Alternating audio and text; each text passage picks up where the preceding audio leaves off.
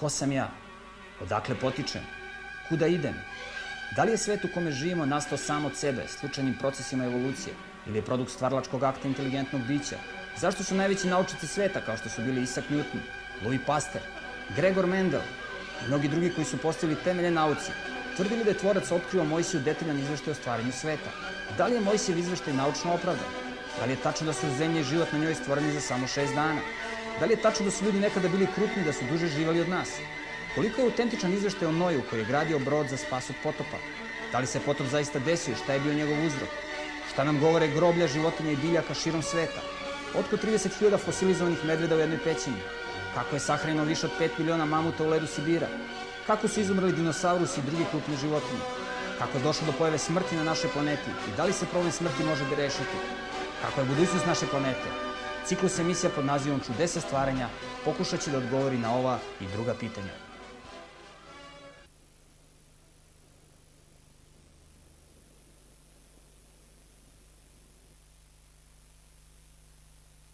Poštovani gledalci, koristim priliku još jedan da vas pozdravim u ovoj seriji emisija u kojoj tretiramo pitanja porekla i u ovoj današnjoj emisiji mi ćemo se još jedan put pozabaviti fosilima. Mi smo u jednoj od prethodnih emisija tretirali fosile i fosilni zapis i videli kako se on uklapa u izveštaj da su svi živi sistemi na planeti Zemlji stvoreni odvojeno po svojim vrstama ili po svojim tipovima. I videli smo da ono što je zapisao Mojsije, što se nalazi u biblijskom tekstu, je u potpunoj harmonizaciji sa onim što pronalazimo u prirodi, vezano za fosilni zapis. U današnjoj emisiji mi ćemo tretirati fosilni zapis, dakle fosile, s jednog drugog aspekta. I vidjet ćemo šta fosili imaju da nam kažu. Možda da još jedan put kažem šta su fosili. Najprostije rečeno, fosili predstavljaju ostatke života iz prošlosti. Dakle, fosili predstavljaju ostatke biljaka i života i životinja koje pronalazimo u stenama širom planete Zemlje. To mogu da budu ostaci a, skeleta, čak i mekog tkiva, mogu da budu otisci određenih organa ili otisci stopala e, i mogu da budu metamorfisani ostaci biljnog i životinskog sveta. I ono što je vrlo interesantno jeste da kada jedan organizam ugine, jedna biljka ili životinja, mi ne bi očekivali da će taj organizam da bude fosilizovan, da će da bude sačuvan u stenama. Jer jedna Jedna životinja, na primjer, kad ugine, ona se raspadne i od nje ništa ne ostaje. I kada bismo izašli u prirodu, ono što bi bilo logično jeste da u prirodi ne bismo pronašli fosile. Međutim, kada mi izađemo u prirodu i kada analiziramo stene, to može svako od nas da učini, dovoljno je samo da ponese jedan čekić da se prošeta na bilo koji lokalitet na planeti, se, sten, na planeti Zemlje i udari u stenu sa čekićem, vidjet će nešto neobično. Vidjet će da na skoro svakom lokalitetu na planeti Zemlji Gde god uh, odlamate stenu, gde god kopate, gde god bušite, vi pronalazite groblja fosila širom planete Zemlje. Milijardi, milijarde fosila. Puževa, školjki, brahiopoda, trilobita. Milijarde organizama. Na ovoj fotografiji vidimo groblja amonita, organizama koji danas ne žive. Ne samo da pronalazimo groblja uh, fosilizovanih organizama širom planete Zemlje vezano za beskičmenjake, takođe pronalazimo i kičmenjake. Evo na ovoj fotografiji možemo da vidimo jedno krdo krava koje je fosilizovano. I sada, kakav je bio agens koji je mogao da zatrpa jedno krdo krava? Jedna krava danas, kada ugine, ona se raspadne i za veoma kratak period vremena od nje ništa ne ostane. U periodu od 1700. do 1900. godine u Americi je izumrlo 65 miliona bizona i nijedan se nije fosilizovao. I to je ono što bi mi očekivali. Međutim, mi u prirodi pronalazimo nešto suprotno. Jedan organizam da bi bio fosilizovan, on mora da bude rapidno zatrpan, da ne može da oksidiše, da ne mogu da mu priđu drugi organizmi, bakterije, gljivice i da ga pojedu, da ga dezintegrišu. Međutim, mi u prirodi ne lazimo na fosile. Da bi jedan fosil u prirodi nastao, on mora da bude rapidno zatrpan. Dakle, fosili nastaju samo u uslovima katastrofe. U prirodnim uslovima mi nigde nećemo videti u prirodi da nastaju fosili. Međutim, šta kažu zastupnici konvencionalne teorije ili teorije evolucije? Oni kažu da fosili mogu da nastanu i u prirodnim uslovima. Da ne moraju samo katastrofe da budu uslovi, odnosno a, agensi koji bi mogli da zatrpaju, odnosno fosilizuju organizam. Tako ako otvorimo evolucionističke učbenike, vidjet ćemo neke od scenarija kako fosili mogu da nastanu u prirodnim uslovima. I tako u jednom učbeniku možemo da vidimo kako biva fosilizovan jedan krupan kičmenjak, jedan mamut. I kaže se, evo na ovoj gornjom, na gornjem delu fotografije, kako jedan mamut, a, tragajući za hranom, upada u jedno muljevito jezero.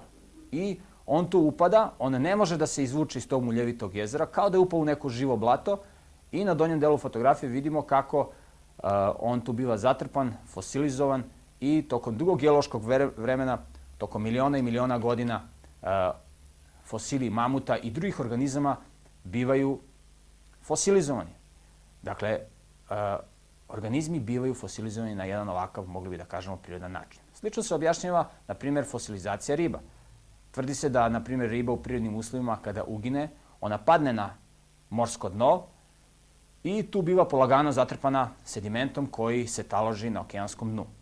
Međutim, kada mi izađemo u prirodu, šta mi pronalazimo? Da li ribe mogu na ovakav način da budu fosilizovane?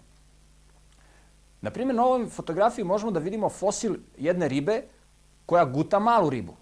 Da li je ovo moglo da bude fosilizovano u uslovima lagane sedimentacije, u prirodnim uslovima? Ovaj primer ribe koja guta malu ribu nije jedini u prirodi. Postoji puno, na mnogim lokalitetima. Ovo je sa lokaliteta u Solenhofenu, u Nemačkoj. Vidimo fosilizovanu ribu koja se upravo spremala da proguta a, malu ribu, međutim u tom trenutku je ona bila fosilizovana. Očigledno da ovaj fosil ukazuje na uslove katastrofičkog zatrpavanja. Ne samo da pronalazimo ovake primere fosilizovanih riba, takođe pronalazimo fosilizovana jata riba. I zaista teško je objasniti kako u prirodnim uslovima mogu da nastanu a, fosilizovana jata riba. Očigledno da je ovde bio katastrofički agens. Tako, na primjer, u Kaliforniji, na površini od 10 kvadratnih kilometara, pronađeno je fosilizovano jato riba koje je sadržalo milijardu primeraka. Dakle, milijardu riba fosilizovano na jednom lokalitetu. I ono što je vrlo interesantno da pogledamo ovaj fosil ribe i uopšte fosile ribe koje pronalazimo u stenama. Ono što je karakteristično za fosile riba jeste da su njihova peraja otvorena. Evo, možemo da vidimo kako su repna peraja ove ribe otvorena, takođe i grudna i leđna. Riba kada ugine, ona spusti peraja zato što prestane rad mišića koji drži peraja otvorenom. Očigledno da je ova riba bila živa zatrpana i da je fosilizovana sa otvorenim perajima. Ne samo da pronalazimo fosilizovane ribe, ono što je vrlo interesantno, pronalazimo i fosilizovane ptice na okeanskom dnu. Na ovom slajdu vidimo fosil jedne ptice koja se zove Archaeopteryx. Mi smo o ovom Archaeopteryxu već govorili u jednoj od prethodnih emisija, zato što se za ovu pticu smatra da predstavlja navodni prelazni oblik između gmizavaca i ptica i videli smo da je Archaeopteryx bio prava pravcata ptica. I sada je vrlo interesantno da analiziramo kako je ovaj Archaeopteryx mogao da bude fosilizovan. Ono što je interesantno jeste da je ovaj Archaeopteryx fosilizovan na okeanskom dnu. Kako znamo da je u pitanju okeansko dno? Zato što je u pitanju sitnozrni sediment. Dakle, ovaj Archaeopteryx je fosilizovan u sitnozrnom sedimentu koji se taloži na a, velikim dubinama. Obično u plitkovodnoj sredini se taloži krupni sediment, šljunak, pa kako idemo a, sve dublje, granulacija se smanjuje. I sada ne samo da zajedno sa ovom pticom, sa ovim arheopteriksom pronalazimo a, a, druge organizme, nego je vrlo interesantno da zajedno sa arheopteriksom u ovim dubokovodnim e, sedimentima pronalazimo fosile dubokomorskih organizama, na primjer dubokomorskih amonita. I sada kako zamisliti scenario da jedna ptica dospe na okeansko dno i da tamo bude fosilizovana? Inače, na lokalitetu Solenhofena, gde je ovaj arheopteriks pronađen, pronađeno je milijarde i milijarde fosila i morskih i kopnenih, zajedno zatrpanih. Kako objasniti i kako napraviti scenario da jedna ptica dospe na okeansko dno? Zastupnici teorije evolucije kažu da ovaj Archaeopteryx nije fosilizovan na okeanskom dnu, nego da je fosilizovan u lagunskim sedimentima. I zaista postoje redki slučajevi da u lagunama, dakle, to su, da kažemo, mala jezera u priobalju, gde je mirna sredina, dolazi do taloženja sitnozemnog sedimenta. Međutim, kako objasniti, ako je u pitanju bio lagonski sediment, da su dubokomorski organizmi dospeli u ovu lagunu, dakle organizmi koji žive na velikoj dubini, da oni dospeju i da budu fosilizovani i zatrpani u ovoj laguni. Ja se sećam jednog predavanja gde je jedan evolucionista tvrdio kako je ovaj Archaeopteryx na neki način, kako je on rekao, se zakucao u lagunu i tu je on bio zatrpan i fosilizovan. A onda su amoniti, dubokomorski amoniti, uginuli na velikim dubinama, ali su nošeni talasima bili nabacani u ovu lagunu i tako bili fosilizovani. To je jedno objašnjenje. Međutim, ono što je vrlo interesantno da je na lokalitetu Solenhofena pronađeno sedam arheopteriksa. Dakle, jato ptica fosilizovana. Da li je jato ptica moglo da se zakuca u lagunu i da tako bude fosilizovano? Čini mi se da a, sami, same stene i sami fosili nedvosmisleno govore o tome da je ovaj arheopteriks bio fosilizovan u uslovima velike katastrofe. I kada pogledimo te listaste sedimente, te listaste ploče uh, u Solenhofenu, vidimo da su u pitanju da je u pitanju bilo taložene u uslovima velike katastrofe. Ne samo da pronalazimo fosile besključenja, fosile ptica. Jedan od uh, najinteresantnijih lokaliteta vezano za paleontologiju, dakle za fosile, jeste lokalitet u Austriji. U pitanju je jedna pećina, a, pećina Miksnice. Zašto je ova pećina interesantna? Ova pećina je interesantna zato što je u periodu u zadnjih 100 godina ova pećina istraživana, to je jedna dugačka pećina, i u zadnjih 100 godina u ovoj pećini je otkopano 30.000 medveda fosilizovanih. 30.000 medveda. I sada postavlja se pitanje kako su ovi medvedi mogli da budu fosilizovani u ovako velikom broju. U pitanju su krupni kičmenjaci. Evo ovo su lobanje medveda iz pećine Miksnicu u Austriji. Pronalazimo i skelete medveda koji su tamo fosilizovani. Kako objasniti fosilizaciju 30.000 medveda u jednoj pećini? Očigledno da je u pitanju bila katastrofa ogromnih razmjera koja je zatrpala ogromno krdo medveda. Više od 30.000. Zastupci teorije evolucije kažu da ovi medvedi nisu morali da se fosilizuju u uslovima katastrofe i konvencionalno objašnjenje kaže da su možda medvedi, kada su odlazili na zimski san, dok su bili u stanju hibernacije, možda se odronio, odronila tavanica u pećini i zatrpala neke od medveda. I sada dovoljno je da se tri medveda godišnje zatrpa, kada se to ekstrapolira na 10.000 godina, dobijemo 30.000 medveda. Da li može tavanica da se odrni i da zatrpa medveda? To je pitanje koje naravno mi postavljamo. I da onda u periodu od 10.000 godina bude zatrpano 30.000 medveda. Ja mislim da je ovakav scenarij nemoguć. Dakle, mi ne samo da pronalazimo fosile bez kičmenjaka, nego pronalazimo fosile kičmenjaka koji se mnogo teže fosilizuju. I jedno od najvećih grobalja kičmenjaka koje postoji u svetu jeste groblje na lokalitetu Sibira. Na lokalitetu Sibira pronalazimo fosilizovane mamute, lavove, tigrove, nosoroge, jelene, desetine i desetine vrsta organizama koji pripadaju grupi kičmenjaka. Dakle, organizmi koji se mnogo teže fosilizuju. Morski organizmi se mnogo lakše fosilizuju zbog toga što uglavnom sve fosile koje danas pronalazimo su, fos, e, su organizmi koji su zatripani vodenim agensom. Dakle, vodenim agensom. Kako sada da napravimo scenario da ogromni kičmenjaci budu fosilizovani, da budu zatrpani? Na, ovom foto, na ovoj fotografiji možemo da vidimo jedan od najinteresantnijih fosila koji je iskopan u zaleđenom tlu Sibira, jeste a, Beresovka mamut. Beresovka mamut koga je pronašao profesor Sukačev, jedan Rus. I ovaj fosil a, Beresovka mamuta je izložen u muzeju danas. Ono što je interesantno za, ovaj, za ovog mamuta i za ovaj fosilizovani organizam jeste da su ovi organizmi zaleđeni u ledu Sibira. I onda kada dolaze kratka leta na Sibiru, kada dolazi do malog okopnjavanja, ovi a, a, led se otopljava i ovi duboko zamrznuti organizmi bivaju izloženi na površinu. I onda dolaze vukovi koji kidaju meso od ovih a, mamuta. Postoji istorijski izveštaj da su čak i ljudi a, pekli meso od ovih mamuta i da su ga konzumirali.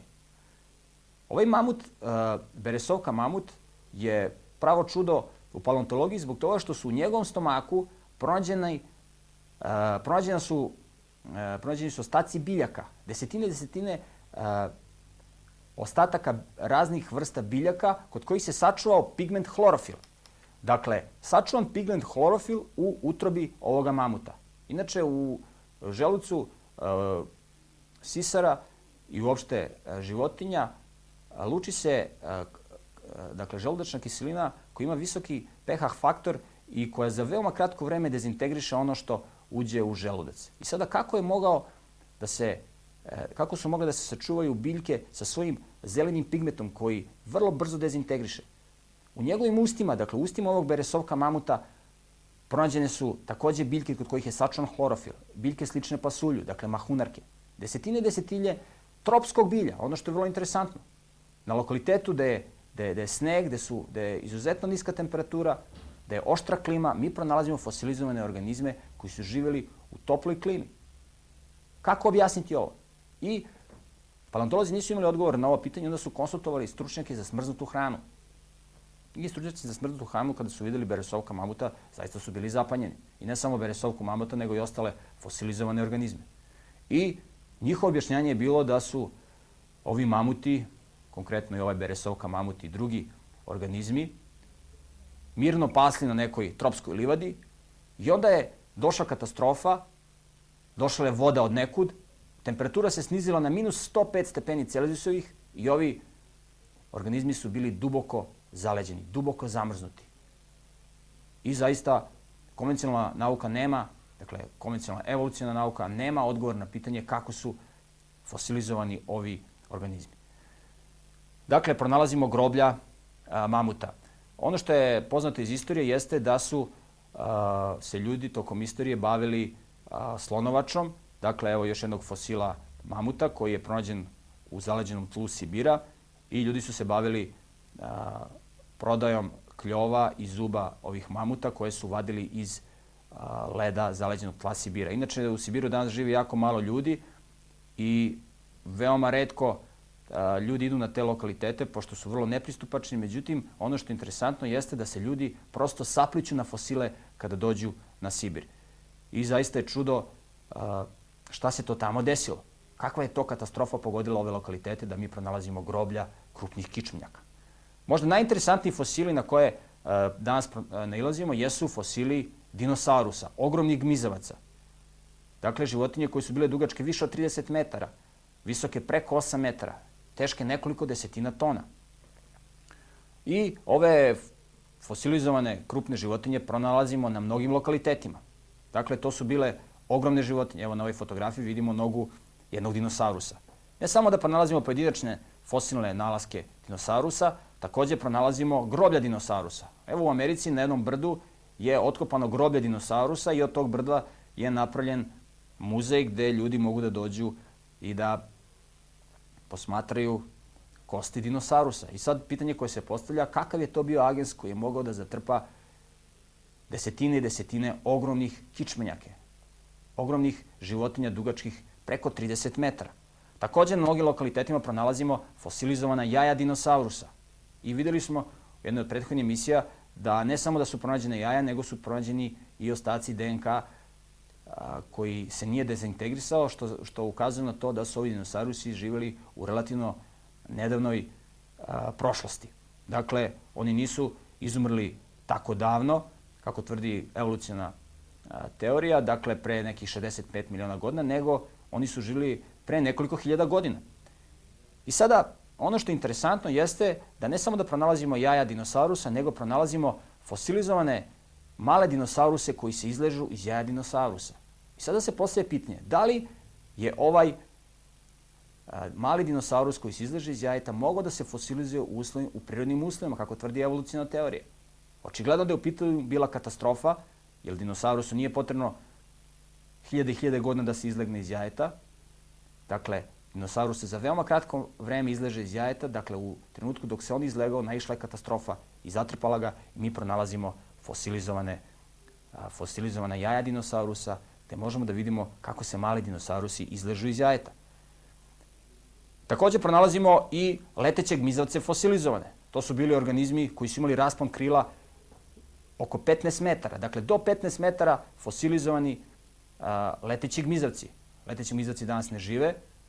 Mi ih danas pronalazimo fosilizovane i zatrpane u stenama. To su, bili, to su bila prava čudodovišta. Evo na ovom slajdu možemo da vidimo fosil jednog letećeg gmizavca Pogledajte kako je zube imao. U svakom slučaju mi ih danas pronalazimo zatrpane i uništene.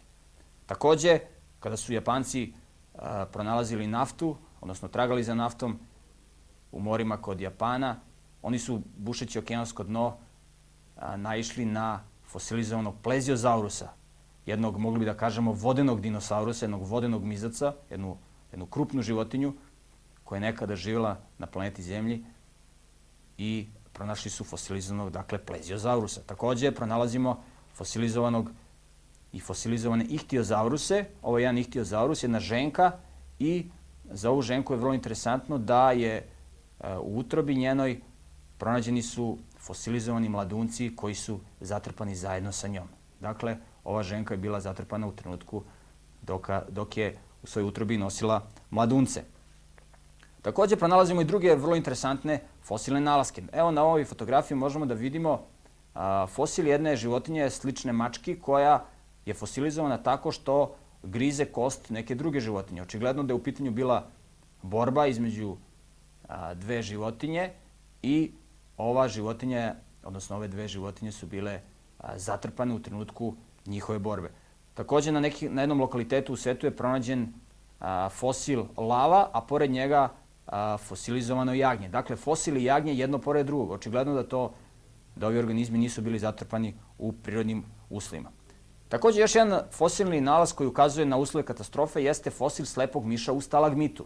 Dakle, u pećinama mi imamo takozvani pećinski nakit, stalagmite i stalaktite, dakle, krečnjačke formacije, za koje je potrebno hiljade i hiljade godina da se talože. Ovaj krečnjak se taloži veoma malom stopom, 1 cm ovog krečnjačkog stalagmita, prema konvencionalnoj teoriji, potrebno mu je da potrebno je negde oko nekoliko hiljada godina da dođe do taloženja jednog centimetra ovog stalagmita.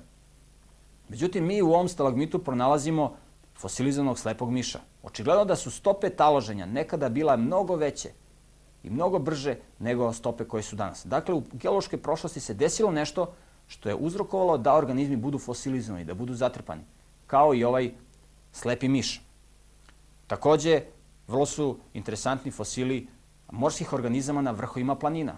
Evo, na jednom lokalitetu, u pitanju su Alpi, jedan paleontolog pronalazi fosilizovano, fosilizovan koralni greben. Korali inače žive u toplim morima, ovaj paleontolog je pronašao korale na vrhu planine. Dakle, u krečnjačkim stenama. Krečnjak se inače taloži u morima i okeanima i uh, u toplim morima žive korali. Međutim, mi pronalazimo fosilizovane korale na vrhu planina. I to ne na jednoj planini, nego na mnogim planinama. Ukoliko se proštamo planinama po Srbiji i po brdima Srbije, naićemo takođe na groblja morskih organizama. Evo ovde na stolu postoje primjerci amonita, morskih organizama koji su pronađeni na lokalitetu Stare planine. Dakle, planina visoka oko 2 km, dakle oko 2000 metara, ukoliko se proštate, po staroj planini naićete na mnoštvo ovih amonita, dubokomorskih i plitkovodnih organizama, zatrpanih, dakle, fosilizovanih u krečnjačkim stenama stare planine. Krečnjak sina se taloži u morima i okeanima, mi morske organizme pronalazimo fosilizovane na staroj planini. Ne samo da pronalazimo amonite, pronalazimo i druge morske organizme na staroj planini i na drugim planinama u Srbiji. Možete da odete na bilo koju planinu na, pla, na planeti Zemlji, na bilo koju planinu ovde u Srbiji, da ponesete samo jedan čekić, da udarite po steni, da malo proštate, naićete na mnoštvo, na mnoštvo fosila, na mnoštvo fosilizovanih organizama. I sada pitanje se postavlja kako su okeanska dna, kako je ova, ovaj krečnjak koji se taložio u vodi mogao da se izdigne na visine današnjih planina. Tako mi, na primjer, na vrhu Himalaja, na Mont Everestu pronalazimo fosilizovane tropske školjke. Takođe na Himalajima na 5000 metara visine pronađen je fosil a, nosoroga. Takođe pronađen je fosil ajkule, takođe na Himalajima. Dakle, kako morski organizmi mogu da dospiju na vrh planine? Očigledno da se nekada, da nekada delovo takav agens, takav katastrofički agens koji je za veoma kratko vreme nataložio velike količine sedimentnog materijala, krečnjaka, peska, šljunka, gline i tako dalje, zatrpani su organizmi, onda je došlo do tektonskih pokreta, do orogenih pokreta, okeanska dna su se izdigla na visine današnjih planina i mi danas možemo da posmatramo da pronalazimo fosilizovane organizme. kakav je to agens delovao, šta se to desilo u geološkoj prošlosti. O tome možemo da razmišljamo. Takođe, vrlo su interesantni fosili drugih beskičmenjaka, kao što je fosil ovog insekta. Inače, pronalazimo na mnogim lokalitetima fosile insekta. Insekti su vrlo nežne strukture, međutim, mi ih pronalazimo fosilizovane a, takođe na okeanskom dnu, dakle u sitnozrnim sedimentima i možemo da vidimo a, kako je ovde sačuvana čak i nervatura a, na krilima ovih insekata. Dakle, u pitanju je bio zaista katastrofički agens, jer zaista je teško a, zamisliti scenario da jedan a, insekt dospe na morsko dno i tamo bude fosilizovan.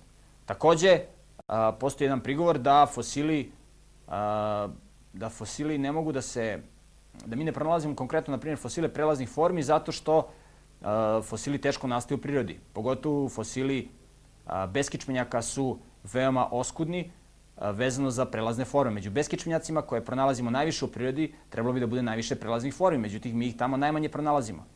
I zastupci teorije evolucije kažu da fosili beskičmenjaka se mnogo teže fosilizuju zato što nemaju skelet. Međutim, evo na ovoj fotografiji mi vidimo fosil meduze. Meduza ima 98% vode. Dakle, uopšte nije potrebno da organizam ima a, skelet da bi bio fosilizovan.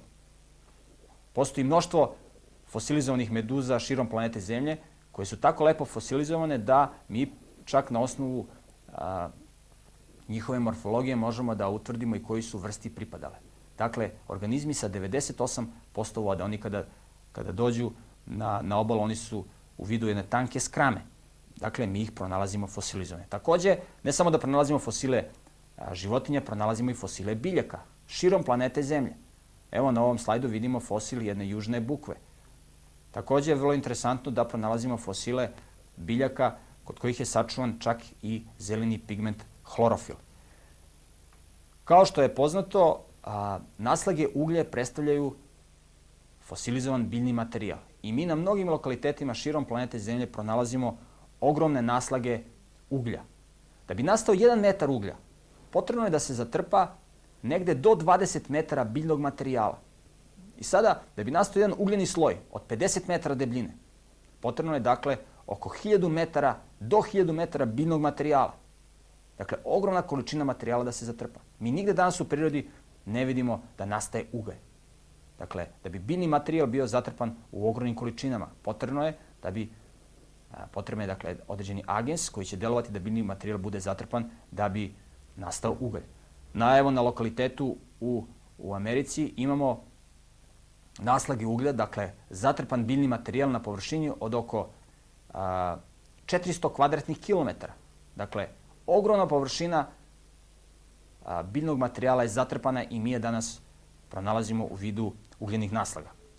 Nije potrebno da idemo a, u Ameriku da bismo videli ugljene naslage. Evo kod nas, na primjer, ove fotografije iz Kolubare, na otvorenom kopu vidjet ćete ogromne debljine fosilizovanog biljnog materijala, dakle, pronaći ćemo i moćemo da posmatramo ugalj. Ono što je vrlo interesantno, konkretno evo za ugalj a, Kolubare, inače to je osobina a, manje više svih ugljenih basena u svetu, jeste da mi u slojevima uglja pronalazimo lepo sačuvane strukture, dakle biljne strukture.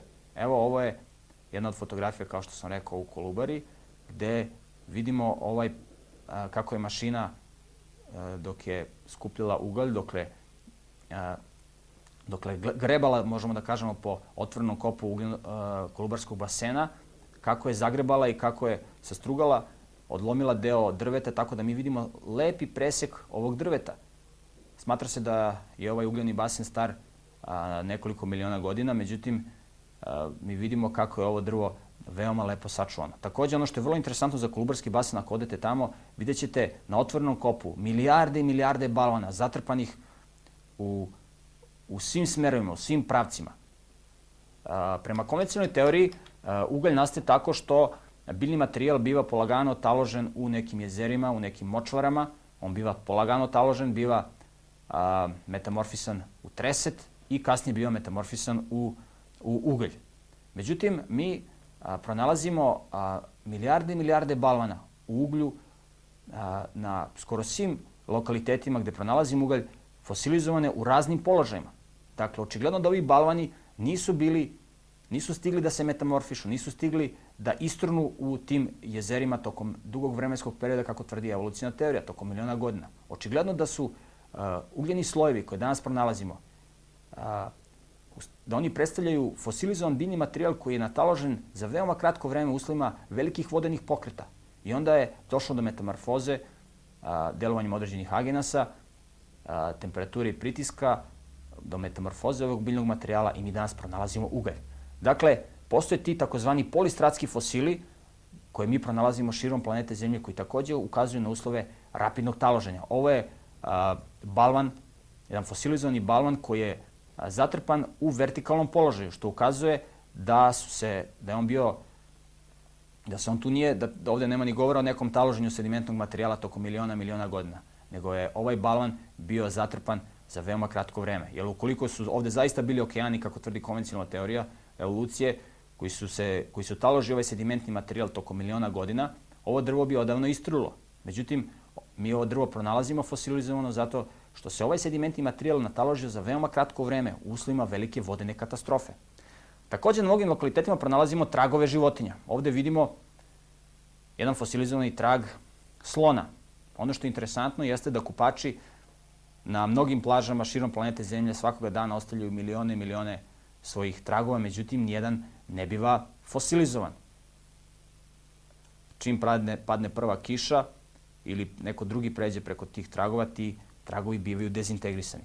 Očigledno, da bi nastali Da bi ovi otisci tragova bili sačuvani, potrebno je da nakon otiska, dakle nakon pravljenja tragova, ovi tragovi bivaju zatrpani nekim drugim sedimentom e, koji će ih konzervirati, koji će ih sačuvati. Evo vidimo tragove ptica. E, jedan od najinteresantnijih fosila e, vezano za tragove jeste ovaj pronalazak u Argentini gde vidimo na jednoj vertikalnoj litici otiske tragova dinosaurusa. Sad kako objasniti ove tragove, ove fosilizovane tragove. Očigledno da dinosaurus ne može da hoda po vertikalnoj litici. Očigledno je ovaj teren nekada bio horizontalan. Dinosaurus je bežao ili trčao bežeći pred katastrofom, a, naišala je, naš, naišao je vodeni agens, naišao je sediment koji je zatrpao njegove tragove, došlo do tektonskog pokreta da se ceo teren zaokrenuo za nekih 90 stepeni i kasnije delovanjem er erozije taj sediment je bio skinut tako da mi danas na ovoj vertikalnoj litici pronalazimo e, otiske stopala dinosaurusa koji su fosilizovani. Evo vidimo u donjem levom uglu čoveka koji drži štap i pokazuje ove tragove dinosaurusa. Takođe su interesantni i drugi tragovi beskičnjaka koje pronalazimo. Evo ovde vidimo jednog beskičnjaka koji, koji očigledno je bežao pred katastrofom i bio je tako zatrpan i fosilizovan zajedno sa svojim tragovima. Jedan od e, možda najinteresantnijih fosilnih nalazaka vezano za tragove jeste a, ovaj nalazak u Solenhofenu, u pitanju je Limulus, jedan beskičmenjak i sad pogledajte njegovi tragovi kako idu u krug. Očigledno je ovaj a, organizam bio uznemiren, očigledno da je najša katastrofa koja, koja ga uznemirala, on je počeo da beže, on je bio u agoni i tako je bio zatrpan zajedno sa svojim, a, sa svojim tragovima. I mi ga danas pa nalazimo u vidu fosila. Dakle, širom planete Zemlje pronalazimo groblja fosila, milijarde i milijarde različitih organizama pomešanih jedni sa drugim. Biljke, životinje, raznih vrsta.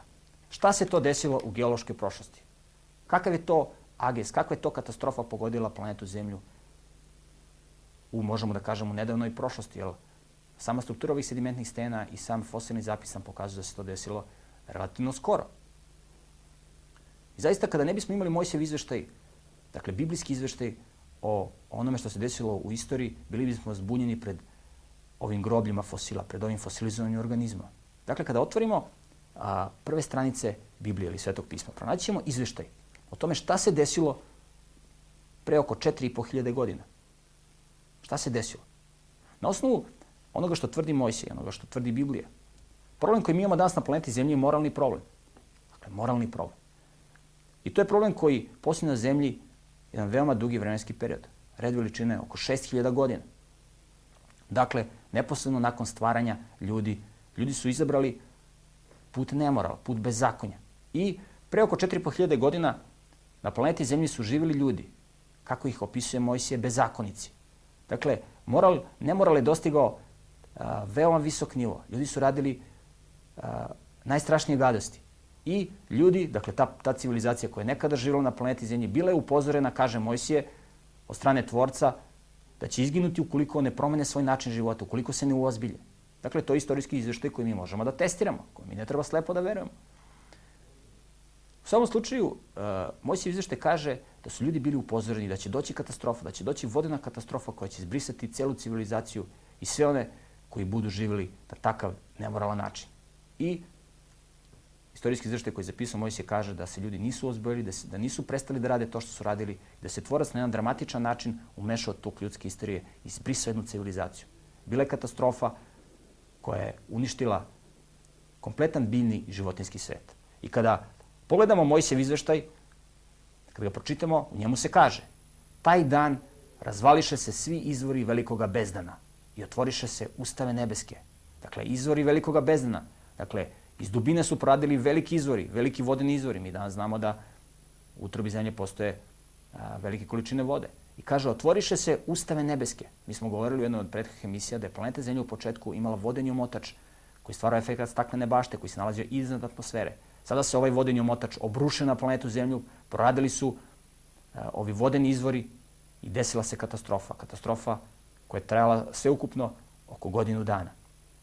I dalje izveštaj kaže a, tada izgibe svako telo što se micaše na zemlji. Ptice i stoka, i zveri, i sve što gamiže po zemlji, i svi ljudi.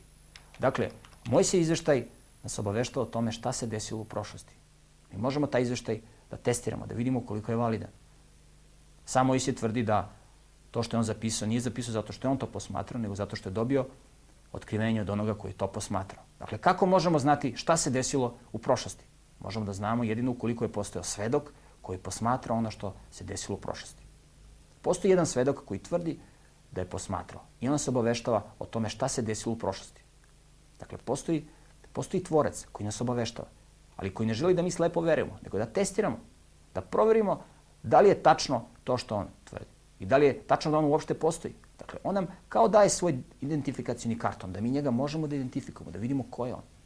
I svako od nas može da nabavi, nabavi Bibliju, ili Sveto pismo. To je inače bestseller među knjigama. Knjiga koja je prevedena na više od 2000 jezika. Tvorac je dakle zainteresovan da ljudi znaju šta se desilo u prošlosti i mi možemo da analiziramo izveštaje o stvaranju i da analiziramo izveštaje o potopu. I da onda uđemo u prirodu i da analiziramo u kakvom su skladu naučne činjenice i ono što je zapisao, zapisano u Bibliji. I mi ćemo da videti da kad analiziramo prirodu, kad analiziramo fenomene u prirodi, vidjet ćemo da je svako slovo Biblije, popločano naučnim činjenicama. Popločano. Mi možemo da čitamo i možemo da se uverimo. Da vidimo šta se desilo u prošlosti. Jer kada budemo analizirali šta se desilo u prošlosti, kada budemo proverili šta se desilo u prošlosti, moćemo da vidimo šta će se desiti u budućnosti. Jer tvorac ne samo da je zainteresovan da nam kaže šta se desilo u prošlosti, nego nas obavesti onome što će se desiti u budućnosti. Na kraju ove emisije koristim priliku a, da vas obavestim da a, je na našem jeziku prevedena jedna knjiga koja tretira pitanje fosila. U pitanju je knjiga koja se zove Evolucija. Fosili još uvek kažu ne. Inače, ova knjiga je u početku, ovo je treće izdanje ove knjige, mogli bi da kažemo bestseller po pitanju a, stvaranja. Autor je Duen Gish, poznati zastupnik koncepta stvaranja, koji učestvao na desetine i desetine debata sa zastupnicima teorije evolucije. I sami evolucionisti kažu da su, oni priznaju da su izgubili sve debate. Sa njim U svakom slučaju on je napisao knjigu koja se zove Evolucija fosili kažu ne. To je bila prva knjiga koja je izašla. Onda je izašlo drugo izdanje, Evolucija izazov fosilnog zapisa. I konačno izašlo je treće izdanje, dakle prošireno, dopunjeno izdanje koje kaže Evolucija fosili još uvijek kažu ne. Ova knjiga je prevedena i moće e, kod nas, dakle možete kod nas da je nabavite. Ona tretira pitanje fosila, pitanje prelaznih formi, pitanje a, svih argumenta, a, relativno svih argumenta njih je zaista puno i teško ih obraditi u jednoj knjizi, ali pitanje argumenta koji uh, idu u prilog koncepta stvaranja. Dakle, koja, koja tretiraju koncept stvaranja, ali tretiraju naravno i koncept evolucije i pokazuju u kakvom su skladu činjenice vezane za fosile uh, u odnosu na ova dva koncepta, koncept stvaranja i koncept evolucije. I kao što vidimo, zaista uh, kao da cela priroda uh, viče, kao da nam cela priroda ukazuje na ono što je zapisano u izveštaju o stvaranju onome što je zapisano u izveštaju koji mi možemo naukom da testiramo. Dakle, postoji jedan deo koji mi možemo naukom da testiramo, koji mi možemo da proverimo. Na kraju emisije vas pozivam da neposredno nakon mog izlaganja odgledate jedan video materijal koji će tretirati pitanje fosila i koji će nam i pitanje potopa i koji će nam dati više svetla na celu ovu problematiku. Do sledeće emisije, ja vas sve srdečno pozdravljam.